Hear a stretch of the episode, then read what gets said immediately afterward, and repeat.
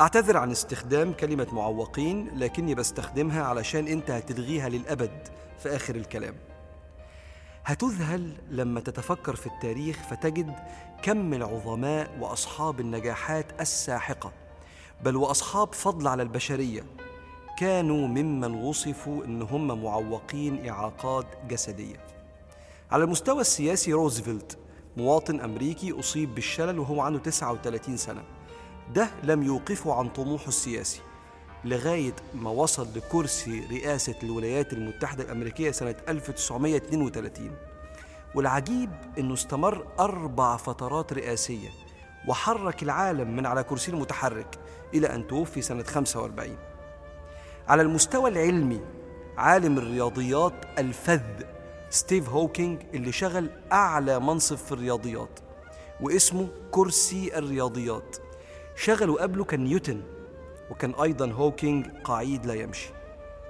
على المستوى الأدبي طه حسين الملقب بعميد الأدب العربي والأدب ده بيحتاج لقراءة واطلاع وكان كفيفاً. برضو على المستوى الأدبي من الشعراء والفلاسفة أبو العلاء المعري وكان كفيف من وهو عنده أربع سنين. على المستوى الفني بيتهوفن الموسيقار الألماني الشهير ألف أشهر مقطوعاته بعد ما أصيب بالصمم. وهو عنده 30 سنة. على مستوى العلم الشرعي ودول بقى ما يتعدوش. وعلى رأسهم الإمام الترمذي وكان كفيفاً. الإمام الترمذي المحدث البارع تلميذ الإمام البخاري وصاحب كتاب من أشهر كتب السنة سنن الترمذي. وعلى مستوى قادة الجيوش القائد الفذ موسى بن نصير فاتح الأندلس وأفريقيا وكان بيعاني من العرج لو فكرت في أغلب إعاقتهم هتلاقيها مؤثرة جدا في صميم أهدافهم. لكن الإعاقة الحقيقية لم تكن إعاقة الجسد. الإعاقة الحقيقية عندنا هي إعاقة الإرادة. لأن نجاحات هؤلاء أجبرت العالم الحديث على تغيير اسم المعوقين إلى أصحاب الاحتياجات الخاصة. ثم ارتقى هذا الاسم بفضل نجاحاتهم إلى أصحاب القدرات الخاصة. ومن أجمل ما قرأت مذكرات أحد الشباب الملهمين اسمه نيكولاس فيو. فيو هذا الشاب في منتصف الثلاثينات حاصل على الدكتوراه وهو أحد المتحدثين الملهمين في مجال التنمية الذاتية. فيو ده جسم ما عندوش ولا إيدين ولا رجلين. وفشلت كل المحاولات من هو صغير لغاية سن 12 سنة إنه يعرف يركب لنفسه أطراف لأن وزنها تقيل قوي على جسمه الصغير. هو بيقول وقتها حسيت أني لم أخلق لهذه الحياة وأن الدنيا لم تصمم من أجلي. بعد فشل محاولات زرع الأطراف الصناعية. أبوه جابه قدامه وقعده. قال له يا ابني دي ترجمة كلام أبوه.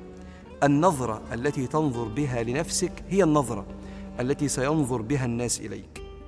الله خلقك هكذا لحكمة وهو لا يخطئ أبدا. إما أن تعيش مستاء من خلقتك وإما أن تختار أن تشق الطريق.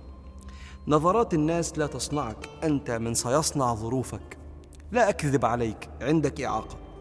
ولكن الخائف عنده إعاقة والمتردد عنده إعاقة. وأكبر إعاقة هي إعاقة الإرادة. الكلام ده بيقول فيو أحياني بعد ما كنت هموت نفسي. وبعدين الراجل أبوه قال له المثل المشهور الأجنبي everyone has his own battle. كل واحد عنده معركته الخاصة. اللي لازم يتغلب عليها عشان يعرف يعيش وينجح. الخلاصة. الكون كله يا مؤمنين مخلوق علشاننا والجنة كمان. مش مخلوق الكون علشان يقف في طريق نجاحك ولقمة عيشك. انحت في الصخر. استعن بالله على تحسين حالك وعلى كسب رزقك. واصنع ظروفك انت بعون الله. فالمجتهد ربنا معاه اللهم متعنا بما أردت لنا من قدراتنا وكن لنا حيث كنا وعلى طاعتك يا مولانا أعنا. thank you